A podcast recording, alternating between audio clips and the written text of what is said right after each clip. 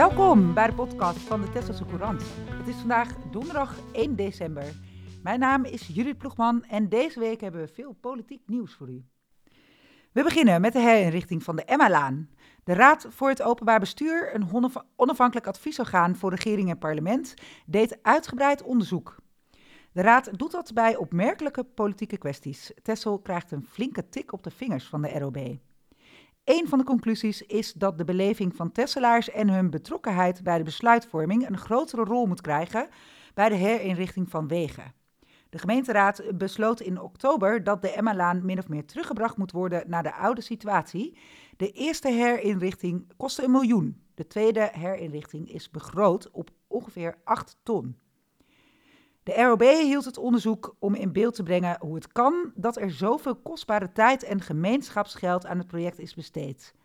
Bovendien heeft de affaire tot veel onderling wantrouwen geleid bij bestuurders, politici en burgers, stellen zij. In het onderzoeksrapport komen onder andere voormalig wethouder Edo Kooijman, die over de kwestie struikelde, andere politici en omwonenden aan het woord. Alle politici spreken in het rapport hun verbazing uit over de botsing die ontstaan is tussen rapporten van experts en de belevingswereld van de gebruikers. Zij vinden zonder uitzondering dat er beter geluisterd had moeten worden en dat er in de toekomst meer ruimte moet komen voor inspraak. Het is te hopen dat zij het rapport gebruiken voor zelfreflectie en hun eigen bevindingen in daden omzetten. De Raad stemde namelijk in december 2019 ondanks de weerstand onder Tesselaars in meerderheid in met de huidige situatie.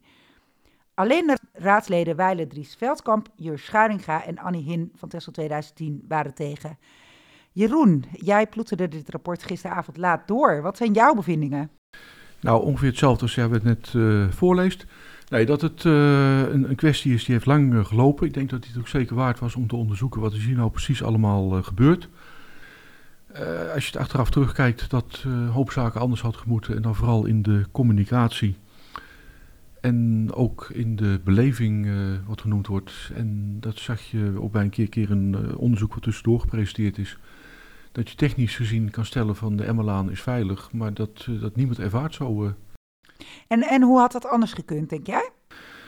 Als je met uh, mensen uitnodigt of, of, of bij stel ouders van, uh, van de school uh, of, of, scholen die dan nog in, in de buurt zaten. Van denk, kijk eens mee naar de plannen, praat eens mee over de plannen. En misschien zal het best wel gebeurd zijn hoor, dat, dat vooropgesteld. Maar uiteindelijk is het toch vooral gebaseerd op technische rapporten en, en, en wat experts ervan zeiden. En dan kan je gewoon technisch zeggen van het is veilig daar. Maar ik denk als je mensen dat zo ervaart, dan gaat het toch iets niet helemaal goed. Dat de verwachting was dat het niet zo ervaren zou worden, dat was eigenlijk al duidelijk voordat het begonnen is met bouwen? En, nou, sommigen hebben het wel van tevoren gezien en anderen denk ik pas op het moment dat het er was. Het kost een hoop geld. Ja, dat is jammer, want dat kan je uiteraard ergens anders aan besteden. Ja. En ik heb het zelf ook, als je daar rijdt, van, nou, ik zoek ook automatisch, maar als ik op de fiets rijd, uh, maar gewoon het middenstuk van de weg op, denk ik, kan de auto kan er niet links en kan er niet rechts langs, dus dan uh, rijd ik mezelf maar veilig. Ja, ja, herkenbaar, doe ik ook. Het is spannend als je iemand achter je hebt zitten die uh, op je bumper zit te kleven als fietser. Ja, nou goed. Denk je als automobilist moet je dat ook niet doen. Maar goed. Nee, dat, zeker niet. Nee, ik had de laatste keer, dat vond ik wel netjes. Er was een fietser die uh, stond klaar om de Emmerlaan daar op te gaan. En die zag mij aankomen in die auto. Die maakte zo'n gebaar van, rij jij nou maar even door. Dan kom ik de fietser wel achteraan. En ik, nou dat is prima. Dat lijkt me de beste oplossing. Ja, ja. verkeersbeleefdheid. Dan... Wanneer wordt er een aanvang gemaakt met het herstellen in de oude staat eigenlijk van de weg? Weet jij dat? We hebben het vast wel een keer vermeld in de krant, maar ik heb het even niet paraat. Nee, onbekend. Ja. Nou, daar wordt vervolgd.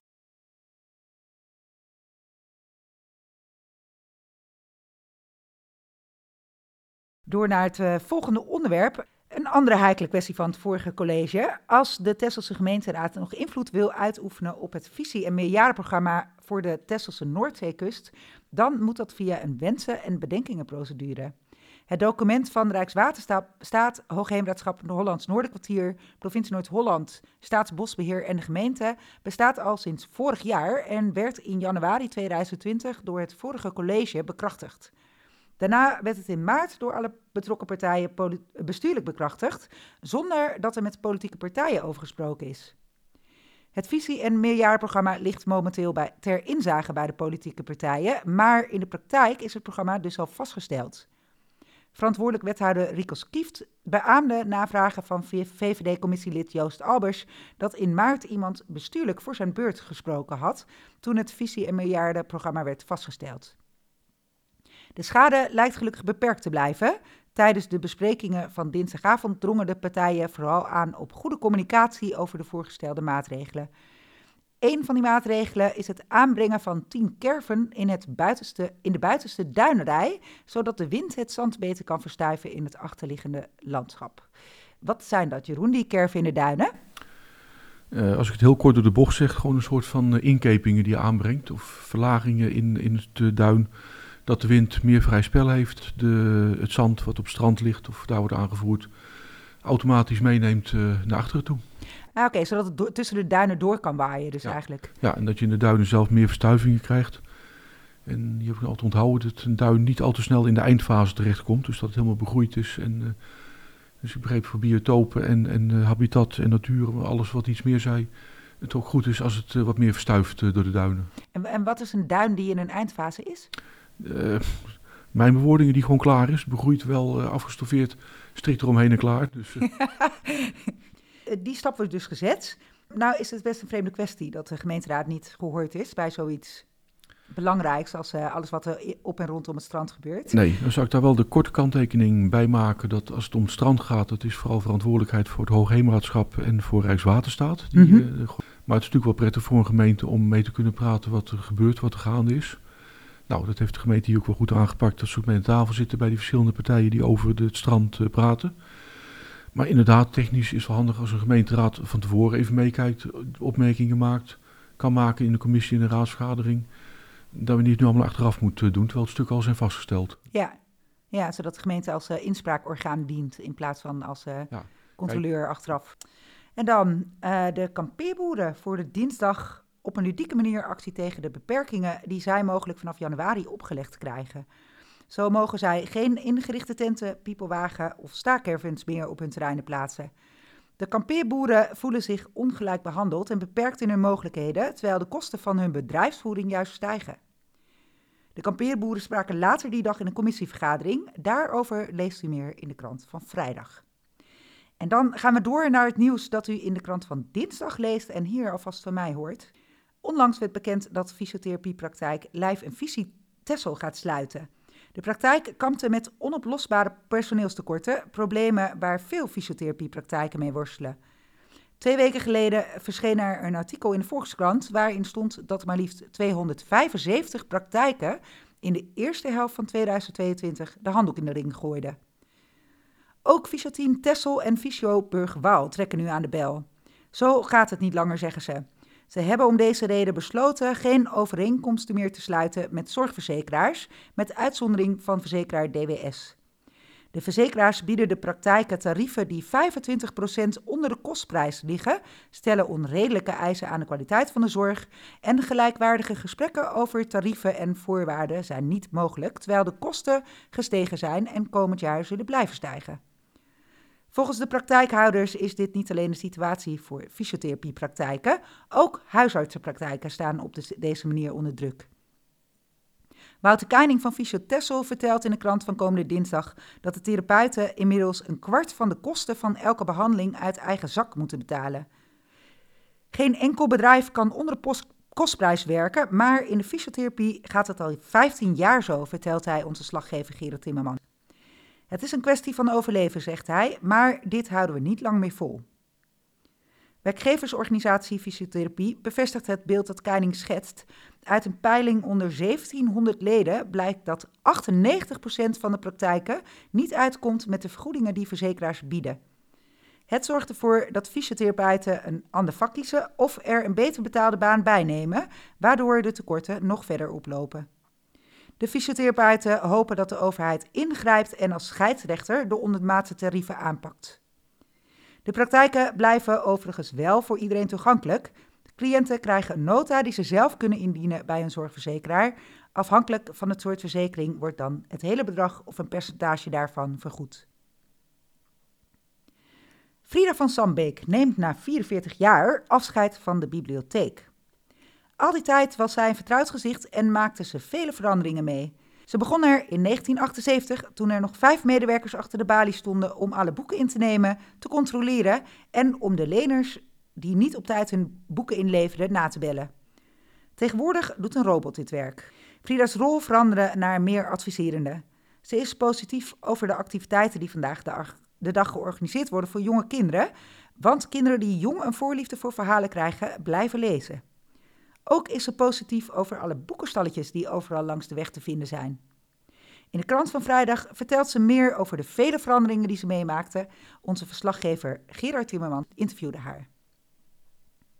Vorige week overleed de levenslustige en avontuurlijke Ed Eelman plotseling. Hij werd 77 jaar. Onze verslaggever Gerard Timmerman schreef een prachtig in memoriam dat u leest in de krant van vrijdag.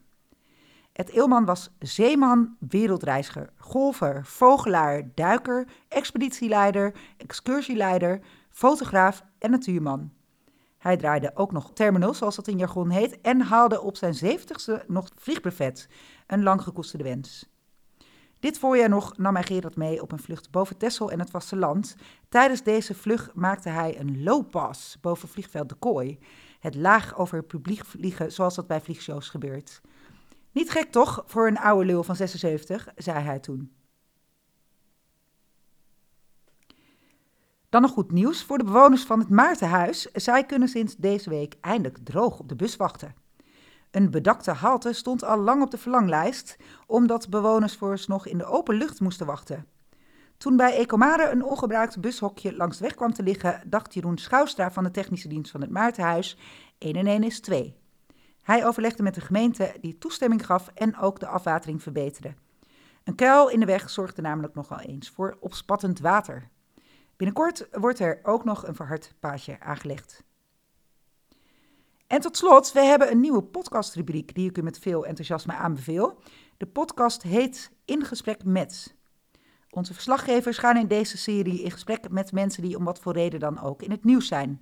In deze eerste aflevering is dat hoofdredacteur Job Schepers die in gesprek gaat met Anneke Visser-Veldkamp, de fractievoorzitter van PvdA Pro Tessel. Ze vertelt over haar raadslidmaatschap, over de coalitie, haar idealen en over de Dries.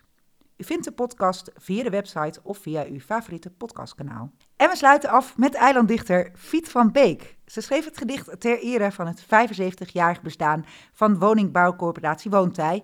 Dat werd afgelopen zondag gevierd met een feest voor de huurders. 75 jaar Woontij. Ankerplaats. Het Woontij springt al jaren vloed. De schaarste raakt niet weggeëpt. De ene golf van meer en meer volgt op de andere. Veel eerste stenen zijn al gelegd. Een nieuwe stroom staat als een huis, te huur gezet in Helders Hart en Tessels Tune. Natuurlijk, om wel te kunnen zijn, begint het met een dak, wat warmte en een plek die eigen worden mag. Hoe je ook heet, van waar je ook kwam, jouw naam op de deur, jouw eiland van rust, jouw stijl en budget op een plaats waar je buurten kan. Daar valt op te bouwen. Onnodige muren trek je niet op. Contact is op te nemen, een proeftuin te plannen, welkom uit te stralen. Zonder iets te hoeven leidt groeten tot ontmoeten en wordt verkennen herkennen. Die man in de rolstoel, dat meisje met vlechten, de jongen op de scooter en die vrouw met een hoofddoek, samen vormen zij begane grond en het cement. Een wijk op pijl is niet een lijn van aangespoelde stenen, maar het samenspel met mensen die elkaar dat kopje suiker lenen.